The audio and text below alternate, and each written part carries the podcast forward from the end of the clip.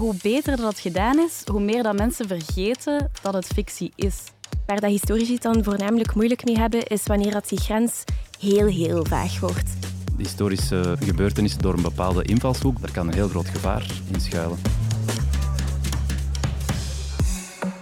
De film Napoleon was nog niet uit, of er verschenen al tientallen vernietigende stukken over. Ook op de serie The Crown en dan vooral de scènes van Diana is er veel kritiek. Films en series over historische gebeurtenissen liggen toch altijd net iets meer onder vuur, omdat ze niet correct nagespeeld zijn of omdat historische feiten worden vervormd of extra gedramatiseerd en omdat dat toch een impact kan hebben op de kijker. Maar hoe groot is die impact en is dat dan een probleem? Vandaag bij mij aan tafel zitten Lieve Trio. Je bent filmjournalist. Ja, Hallo. correct. Hallo, ik ben filmjournalist voor De Morgen en Clara. En uh, ik heb de laatste tijd veel mogen schrijven over onder andere Napoleon. Klopt. Kato van Passel, jij bent regisseur. Uh, ja, dat klopt. Van waar moeten wij jou kennen? Uh, ik heb de fictiedelen geregisseerd van Interview met de Geschiedenis over het Belgisch Koningshuis. Dus je kan toch ook wel meespreken over historische fictie? Absoluut, ja. En Caroline van Soemeren, jij bent historica ja, ik maak een doctoraat in uh, de middeleeuwse geschiedenis aan de UGent.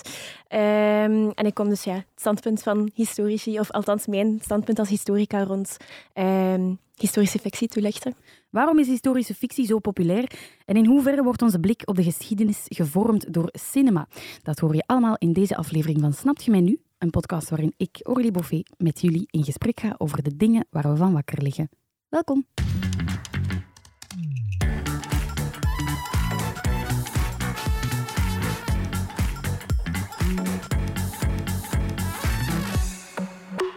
Lieven, ik ga bij jou beginnen. Oké, spannend. Napoleon, The Crown, Will, JFK, 1985. Uh, er is ineens heel veel historische fictie uitgebracht. Is er een stijging de laatste jaren of is dat enkel een gevoel? Hmm. Moeilijk om te zeggen. Hè. Ik heb ook geen cijfers voorhanden of zo. En ik heb ook wel het gevoel dat historische fictie altijd wel heeft bestaan. Zeker internationaal. Maar ik denk wel dat het klopt dat het nationaal, of toch in Vlaanderen, dat er meer wordt gemaakt dan vroeger. Ja, dat gevoel heb ik ook wel. Vroeger had je Daans, uh, De Leeuw van Vlaanderen, um, Congo, tv-serie. Uh, maar dat waren toch veel eerder uitzonderingen. En ik heb wel het gevoel dat er een versnelling is gekomen. Uh, dat er meer historische fictie wordt gemaakt van eigen bodem. Ehm, ja. Waarom is dat, denk je? Uh, ja, ik denk Kato, dat jij ook wel kan bevestigen dat de sector volwassen is geworden. De audiovisuele sector in Vlaanderen is echt wel gegroeid het afgelopen decennium of iets langer al. Uh, er is een soort volwassenwording, uh, stijgende budgetten of toch tot een bepaald punt. Um, producties zijn groter geworden, ambitieuzer. Um, ja, en ik denk dat als er één ding is dat, we, dat je nodig hebt voor historische fictie, dan is het wel budget. er kruipt enorm veel geld in. Um, dus ik denk dat dat er gewoon ook meer is. Er is meer know-how, mensen werken meer, weten beter hoe ze het kunnen doen. Um, en daarbij is er natuurlijk ook bijvoorbeeld de, de, de streamingplatformen. Netflix enzovoort, die zijn internationaal actief, die maken ook bij ons dingen of die werken daaraan mee injecteren dus ook weer dat uh, hoognodige budget. Um, dus dat uh, denk ik wel het voor een deel. Er is ook veel vraag hè, daardoor, door die streamingplatformen. Er, er, is veel vraag naar content, zoals het dan met een heel lelijk woord heet. Uh, dus ja, meer vraag, meer geld. Al zullen de makers dat misschien soms betwisten dat er meer geld is. Maar... Nooit genoeg waarschijnlijk, nee, maar... Inderdaad, ja. Maar toch, ik denk dat de gemiddelde standaard van producties wel gestegen is en dat er ook meer geld wordt gepompt in sommige projecten. Je zegt dat dat altijd al heeft, goed heeft gewerkt, historische fictie. Waarom kijken we daar zo graag naar? Um, ja, het is, bijvoorbeeld films worden heel graag opgehangen vanuit de studio's dan aan dingen die mensen kennen. We noemen dat ook wel eh, IP, intellectual property. Dat is iets, ja, mensen hebben graag iets, een, soort haakje om zich aan, aan, vast te hangen. Um, en geschiedenis kan zo'n haakje zijn als je een, een, figuur hebt zoals Napoleon. Iedereen kent die. Uh, dus dat wil ook zeggen dat je direct al minder geld zal moeten uitgeven aan marketing of aan reclame. Uh, of dat je dat er bovenop nog kan doen, maar dat er al heel veel mensen zich bewust zijn van die figuur en dus ook misschien wel benieuwd zullen zijn naar die film. Um, dus dat is één ding. Daarom worden er denk ik veel gemaakt. Anderzijds denk ik ook dat mensen gewoon benieuwd zijn. Um, het is een soort als het dan gaat over de, de koninklijke families en zo, de, de crown en zo, dat soort dingen, dan zijn denk ik mensen gewoon ook een beetje voyeuristisch. Uh, door, door fictie fictie is iets anders dan een documentaire. Je kan daar dingen gaan namaken waarvan ze al dan niet waar gebeurd zijn. Um, mensen zijn een beetje voyeuristisch, willen dat graag van dichtbij meemaken natuurlijk. Het is, het is ja, een soort van ramptoerisme misschien ook op sommige vlakken, maar gewoon ja, een benieuwdheid om, om iets meer te weten te komen op een sappige, uh, entertainende manier. Ja, zijn jullie ramptoeristen? Kijken jullie daar graag naar? Kato? Ik kijk er zelf wel graag naar. Um, Ja, hoofdzakelijk omdat je... Je hebt heel veel vroeger in je geschiedenisles wel gezien, maar de feiten horen is één ding. Dan echt een personage zien en die mensen precies leren kennen, dat is echt nog een ander ding. En de feiten kunnen altijd zijn wat ze zijn. En ja, dat is dan wat we leren. Uh, maar hoe dat mensen daarmee omgaan, is vaak nog veel boeiender. En denk wat, de, wat die programma's dan juist boeiend maakt. Maar dus jij kijkt vooral vanuit het makersperspectief naar zo'n programma? Um, ik denk eigenlijk altijd als ik naar iets kijk, uh, probeer ik echt gewoon als kijker te kijken. En het is pas als er iets is dat ja, niet goed is of niet klopt, allez, zo hard niet klopt dat je er gewoon echt uitvalt, uh, dan begin ik, merk ik wel van, ik kijk ook wel als, als maker. Uh, maar ik probeer die knop wel uit te zetten. Ja. Caroline, zit dat bij jou?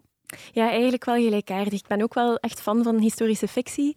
Uh, ja, ik ben ook geschiedenis gaan studeren vanuit een fascinatie voor het verleden. En historische fictie slaagt er eigenlijk als geen andere in om dat verleden echt tot leven te wekken. Um, en het genre laat ook toe om je echt te gaan verplaatsen in historische personages. En dat is in de academische geschiedschrijving dan nog altijd wel een uitdaging. Gewoon omdat we van heel veel mensen niet goed weten wat er in hun hoofd moet zijn omgegaan, hoe dat zij bepaalde gebeurtenissen hebben meegemaakt.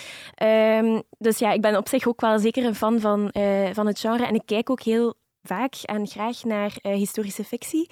Um, maar zoals Cato net heeft gezegd, ja, als er dan bepaalde zaken niet kloppen of zaken die ik problematisch vind aan de manier waarop dat er wordt omgegaan met de geschiedenis, dan ja, val, ik, ja, val ik er ook een beetje uit. En uh, dan is mijn kijkplezier ook wel ja, beetje beknopt of, of ja. ingeperkt. Ja. Lieven, jij bent misschien de meest onbevangen kijker. Kijk je dan meer om iets bij te leren of echt puur ter ontspanning? Mm, ja, zelden ter ontspanning, want het is meestal voor mijn werk, maar het is, het is leuk werk, dus dat is ook ontspannend. Um, ik vind het fijn als je iets kan meepikken, wel. Uh, of dat nu een, een, geschiedenisles is, of eerder uh, iets emotioneel, dat je, dat je het gevoel krijgt dat je ja, iets meebeleeft met een historisch personage. Ja, mm. dat, uh, dat vind ik wel leuk. Oké, okay. en let je dan op wat er zou kloppen en wat er niet klopt? Ik ga het altijd wel opzoeken. Ik vind het wel belangrijk ja. om te weten. Ik, ik vind zeker niet dat het altijd moet kloppen, maar als ze beweren dat het klopt, dan moet het wel kloppen. Ja, ja ik denk, het wordt ook omschreven als historische fictie. Mm -hmm. Ik denk dat mensen zich daar altijd van bewust moeten zijn dat het fictie is. Uh, en denk je dat mensen zich daar ook bewust van zijn? Ik denk vaak hoe beter dat het gedaan is, hoe meer dat mensen vergeten dat het fictie is. Um, het interessante is wel, als je dan bijvoorbeeld kijkt naar de, The Crown, um, wat ik zelf vaak hoor, is als mensen het kijken, en iets echt boeiend vinden of echt zo van hun sokken zijn geblazen, dat ze op dat moment gaan um, een gsm pakken en opzoeken van is dit echt gebeurd, is dat echt gebeurd. Mm. Um, dus dat ze vaak wel eigenlijk zelf de neiging hebben om daar achter te komen. Um, en dat vind ik juist iets super positief, want dat zijn duidelijk allemaal dingen die ze nog niet wisten. En ze gaan dan eigenlijk zelf ook ondernemen om erachter te komen.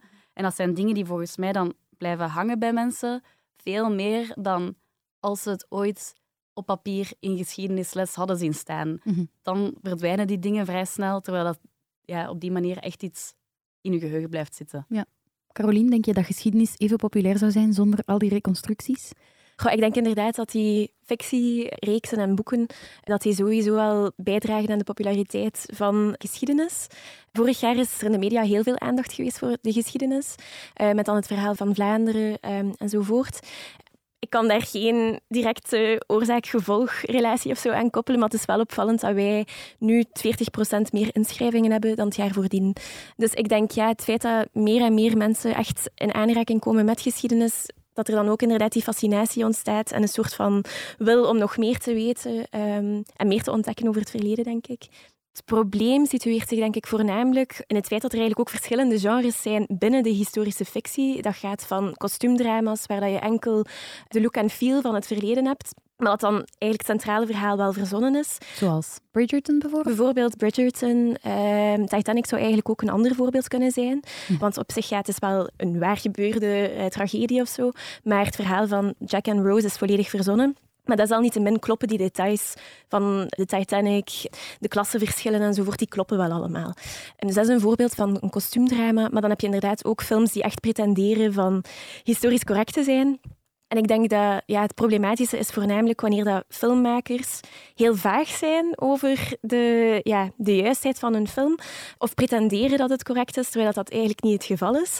Of zo, zoals nu met Napoleon, eh, dat er eigenlijk een soort van volledige minachting is voor eh, de geschiedenis als wetenschap. En dat de reactie van Ridley Scott, denk ik, of Ridley Scott, ik weet niet zo hoe dat je het moet uitspreken, van ja, historici, get alive. Ja, was je er zelf bij? Hoe kan je het dan weten? Met zo'n uitspraken gaat hij eigenlijk ja, de volledige discipline gaan ondermijnen. En dat is dan wel problematisch. Ja, want dat vind ik echt wel een soort bare minimum als maker. Dat je, dat je ofwel zegt van kijk, we hebben vrijheden genomen. Ofwel dat je zegt van we hebben het echt zo goed mogelijk proberen te doen. Bijvoorbeeld Christopher Nolan bij Oppenheimer. Die heeft echt wel zijn huiswerk gedaan. Die is een, soort maniak in, in, in research en die gaat echt proberen te... Ja, natuurlijk zitten er dingen in die niet echt gebeurd zijn, maar uh, het, het, grote, ja, het merendeel van wat je ziet is wel echt tot op het detail uh, waar gebeurt. En dan vind ik dat je echt mag zeggen, dit is een film die gebaseerd is op waar gebeurde feiten. Mhm. Als je dan Napoleon ziet daarnaast, dat is een, ja, een entertainende film waarvan veel dingen wel min of meer kloppen, maar waar ook heel veel dingen helemaal niet van kloppen. En als je dan als filmmaker gaat zeggen, get alive, of inderdaad, was je erbij soms, ja, dat is gewoon... Mhm.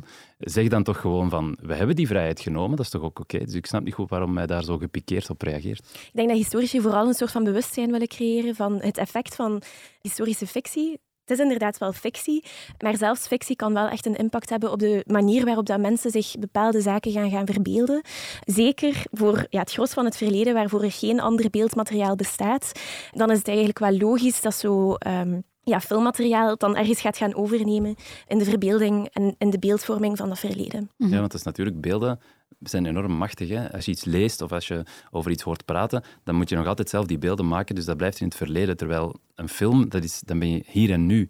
Je hebt die uh, suspension of disbelief. Dus je, je, hersenen maken je eigenlijk wijs dat je dat op dat moment aan het beleven bent. Dus inderdaad, dat is superkrachtig. Als je dan iets over geschiedenis ziet, dan denk je dat je het echt hebt gezien bijna. Dat is toch het, ja, die impressie laat het na. Mhm.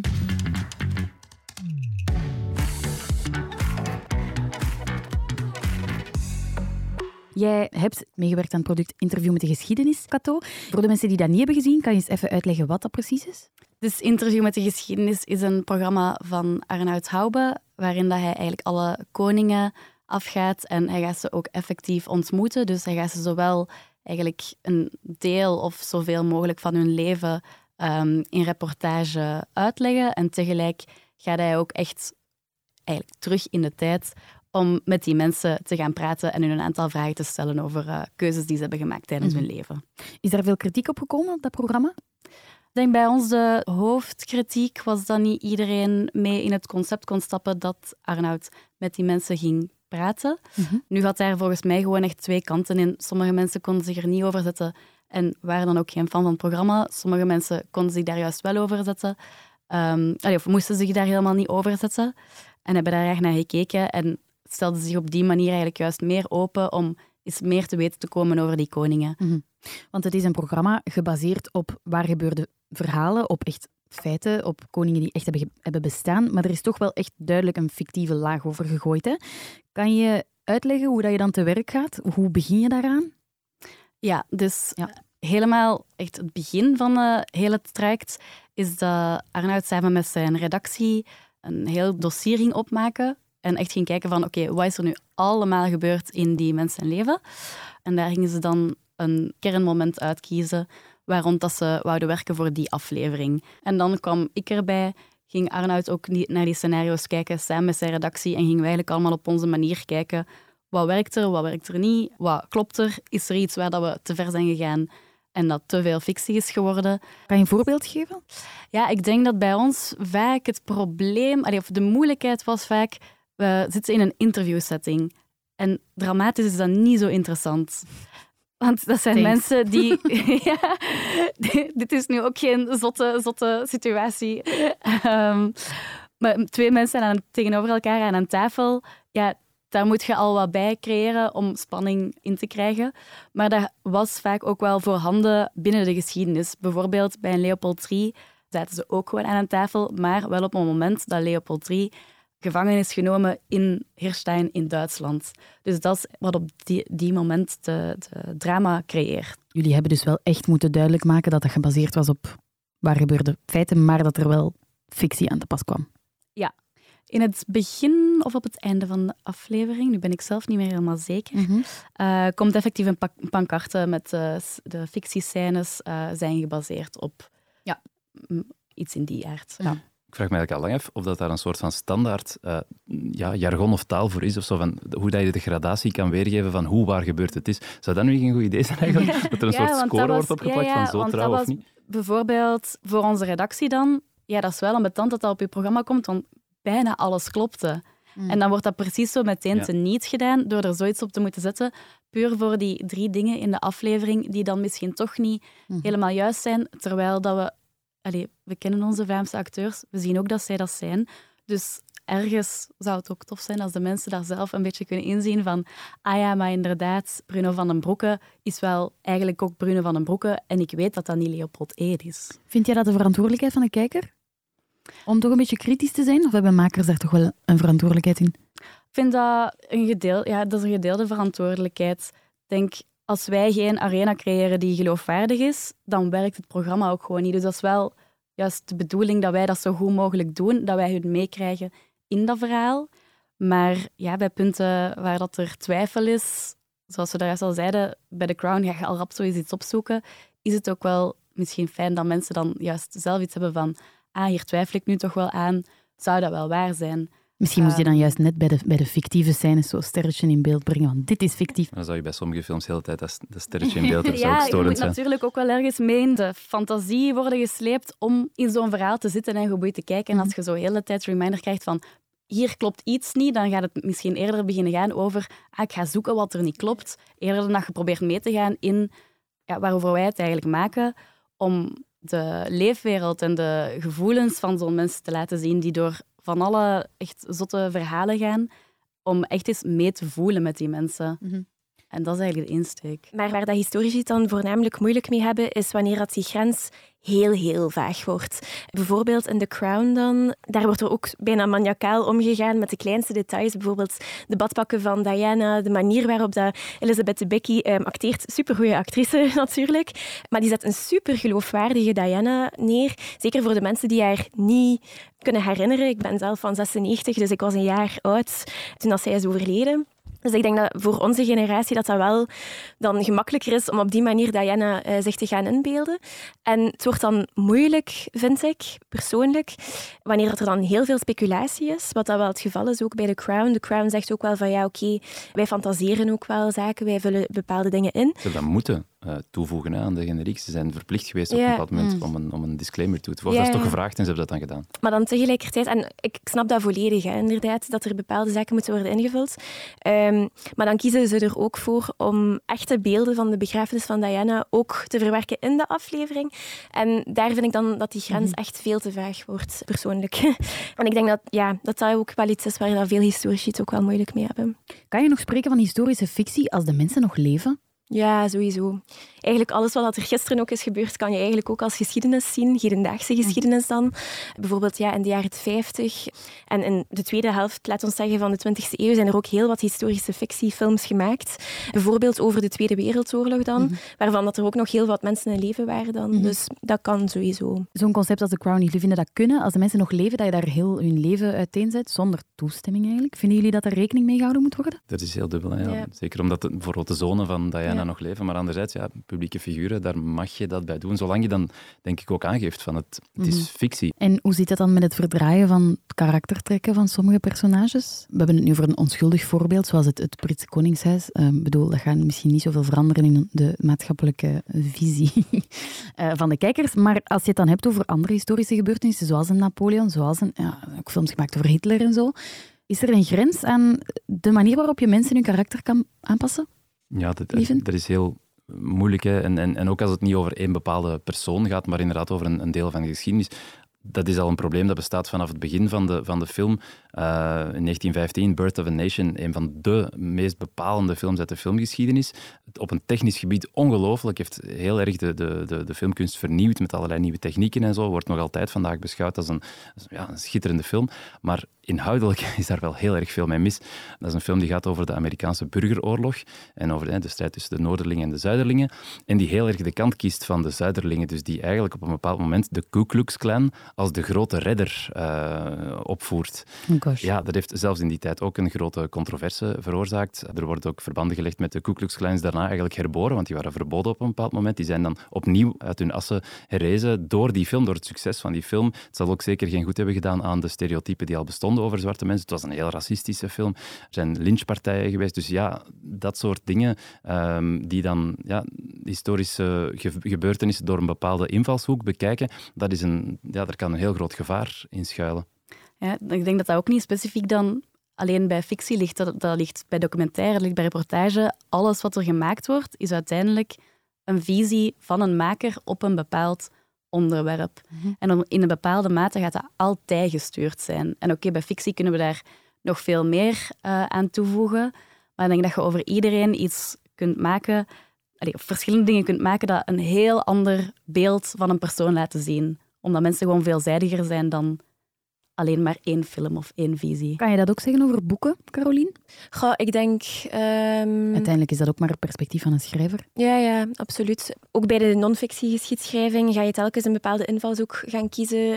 Geschiedenis is zo breed, je moet dat wel ergens gaan afbakenen, dat klopt zeker. Maar ja, het verschil is natuurlijk dat, zeker professionele historici, je moet dat dan wel jouw visie en jouw bevindingen gaan aftoetsen met wat er al verschenen is. Dat is net de hele discipline. Maar ja, ik denk dat fictie wel er nog meer in kan slagen om mensen te mobiliseren, net omwille van die emotionele factor. Fictie is er eigenlijk echt op gericht om mensen aan te spreken op een gevoel. Dus ik denk, ja, zeker dan bijvoorbeeld bij Birth of a Nation, maar er zijn ook andere voorbeelden. Ik denk nu aan Braveheart, dat is verschenen in 1995 um, en gaat over de Schotse onafhankelijkheidsoorlog in de 13e eeuw. Met Mel Gibson, uh, die in een kilt rondloopt, dat dat op zich al een anachronisme is. Maar desalniettemin heeft uh, die film eigenlijk voor een soort van nieuwe wind in Schotse nationalisme gezorgd. Met eigenlijk politici die echt actief naar Braveheart verwezen om een soort van tegenstelling te gaan creëren ten opzichte van de Engelsen. Het is dan in 2014 ook tot een referendum gekomen in Schotland voor de onafhankelijkheid. En misschien nog een leuk weetje daarbij, is dat in dezelfde periode toen is ook Outlander uitgekomen. Dat is ook wel een bekende. Uh, ja, maar dat is dan historical fantasy. Dat is niet eens. Ja, dat gaat over een vrouw die terugreist in de tijd. Dat is zeker niet gebaseerd op waar gebeurde feiten. Over de Jacobistische opstand in de 18e eeuw, waarbij dat opnieuw die Schotten tegenover de Engelsen komen te staan. En bijna overal in de Verenigde Staten, Ierland, Canada is Outlander verschenen in 2014, hetzelfde jaar als het referendum voor de Schotse onafhankelijkheid. Maar er zijn documenten uitgelekt dat David Cameron zou samengezeten hebben met de makers om de release in het Verenigd Koninkrijk uit te stellen. Omdat ze ook ergens schrik hadden dat er een soort van Braveheart-effect zou kunnen zijn van Outlander op de uitslag van dat referendum. Dus ik denk dat fictie zeker omwille van die emotionele factor echt wel een grote rol speelt in de manier waarop dat mensen dan ook ja, daarna nog gaan reageren het is als maker ook heel moeilijk om, als we bijvoorbeeld, we hadden 45 minuten. In 45 minuten moesten wij een beeld geven van een volledig leven van een koning. Dat gaat niet. Je kunt niet alles vertellen. Die mensen hebben inderdaad nog zoveel meer nuance dan wat wij kunnen laten zien. Maar ja, ik denk dat televisie en film gewoon niet het medium is dat in staat is om alles tot in die details mee te geven. Juist zoals dat je in je lesgeschiedenis in het middelbaar ook niet alles gaat gezien hebben. Het is altijd eigenlijk een segment van iets dat je ziet. En ik denk dat het vooral bewust, uh, belangrijk is dat mensen zich daarvan bewust zijn dat ze maar een deel weten.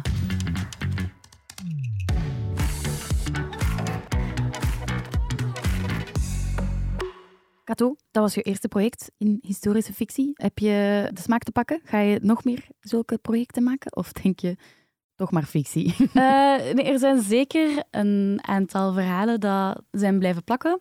En tegelijk heeft het ook wel een soort van nieuwe liefde ontdekt voor historische figuren, omdat ze nu eenmaal zo'n brede background al hebben, waar dat we vaak anders in fictie zelf een heel personage vanaf nul moeten ontwerpen. Hm. Als al die informatie voorhanden is, dan is dat eigenlijk echt een cadeau. Dus ja, ja vind ik dat, allez, heb ik wel ook een nieuwe appreciatie gekregen voor dat luik. Om echt gewoon met dingen uit de realiteit te gaan werken. Ja, Caroline, maakt dat jouw historicus hart warm? Ja, leuk om te horen. Ja, dat is wel tof. Ja, sowieso. Ik denk dat er nooit genoeg geschiedenis uh, getoond kan worden. maar het enige waar ik mij dan wel vragen soms bij stel, is welke verhalen dat we kiezen om te vertellen. Bijvoorbeeld nu ook met Napoleon. Uh, Ridley Scott heeft wel al naam en faam. En toch kiest hij dan opnieuw om eigenlijk al een, bijna een uitgemelkt verhaal of zo zou je kunnen zeggen, over een grote man te vertellen. Terwijl er zoveel verhalen zijn van mensen die niet zo de grote naam hebben van Napoleon of zo. Um, de gewone man en vrouw in de straat. Kan je ze een voorbeeld geven? En Kato inspiratie geven? dat is natuurlijk moeilijk om daar echt een naam op te plakken. Maar ik denk ja, dat er sowieso meer diversiteit nodig is op het tv-scherm. Dat absoluut. Ik denk wel dat daar al een zekere evolutie in is. Zeker sinds MeToo en zo, dat er toch ook veel meer uh, in historische fictie aandacht is voor ja, wat was de plaats van vrouwen in het verleden en zo. Ook het feit dat zelfs Ridley Scott nu in die Napoleon toch meer aandacht heeft voor het lot van Josephine, de vrouw van Napoleon.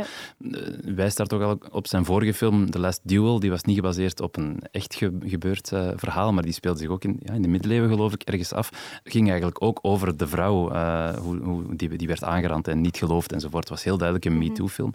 Dus um, ja, ik denk wel dat er ook bepaalde onderwerpen nu worden uitgekozen uit de geschiedenis die misschien tien jaar geleden niet zouden gekozen worden. Ook over de Afro-Amerikaanse geschiedenis in, in, Amerika en zo. Ja, absoluut. En dat maakt historische fictie ook wel ergens interessant, omdat het ook een soort van spiegel is van het heden.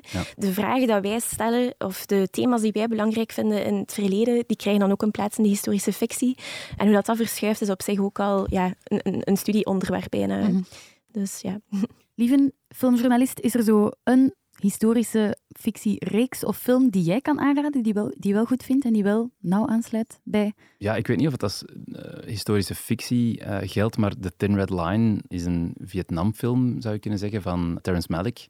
Maar die gaat helemaal aan de haal met de geschiedenis die, denk ik, historisch zo goed als niet uh, correct... Of ja, je zou ook kunnen zeggen The New World van diezelfde regisseur, van Terrence Malick. Dat is eigenlijk het, het Pocahontas-verhaal, maar dan wel ja, toch historisch vrij goed gedocumenteerd. Maar ook, hij is altijd super poëtisch in zijn films, dus misschien ga ik die aanraden, The New World. Oké. En jij, Caroline? Niet zo lang geleden heb ik Aurora Sunrise gezien. En dat is een docufilm over de Armeense genocide aan het begin van de 20e eeuw. En die film verweeft eigenlijk heel mooi een getuigenis van een overlevende. En haar verhaal, zij is dan gevlucht naar Amerika en bij haar aankomst daar hebben ze haar verhaal eigenlijk toen ook verfilmd. Dus er komen ook een aantal beelden uit die oude stomme film toen nog aan bod. En dan zijn er ook uh, reconstructies en animatie. Dus het is een hele mooie verwevenheid van beelden. En als kijker vraag je je ook continu af van ja, waar dat die lijn precies ligt. En ja, je stelt je vragen bij die geschiedenis en je leert er ook echt wel dingen bij van hoe dat bepaalde zaken echt gebeurd zijn, maar dan ook later in beeld zijn gebracht in die film. Mhm. Die zou ik aanraden, Aurora Sunrise. Oké. Okay. Kato, als mensen interview met de geschiedenis hebben uitgekeken, wat mogen ze dan bekijken? Dan zou ik zeggen, ga naar de cinema, want daar speelt Will nu. Prachtige film van Tim Mieland over ja, een verhaal binnen de Tweede Wereldoorlog. Ik ben zelf vorige week gaan kijken, ik vond het ja, geweldig gedaan. En het laat echt nog maar eens zien hoe verschrikkelijk verscheurend oorlog is. Harde film, hè? Super harde film. Het is eigenlijk opnieuw het verhaal van er zijn alleen maar verliezers. En tegelijk pusht het mensen om echt de meest verschrikkelijke dingen te moeten doen. En het is een verhaal dat dus voor ons eigenlijk van jaren geleden is, maar toch ook uh, actueler dan ooit. Alright, dankjewel. Ik onthoud historische fictie. We moeten kritisch blijven, maar er zit toch heel veel potentieel in. Dankjewel om tot hier te komen, lieve Kato en Caroline. Merci. Merci. Waar probeer jij jouw vrienden van te overtuigen? Waar lig jij s'nachts van wakker? Stuur me al jouw ideeën door via de Instagram-pagina van VRT Nieuws of stuur me een berichtje op Twitter via Aurélie-Boffé. En misschien ben jij wel te gast in mijn volgende aflevering.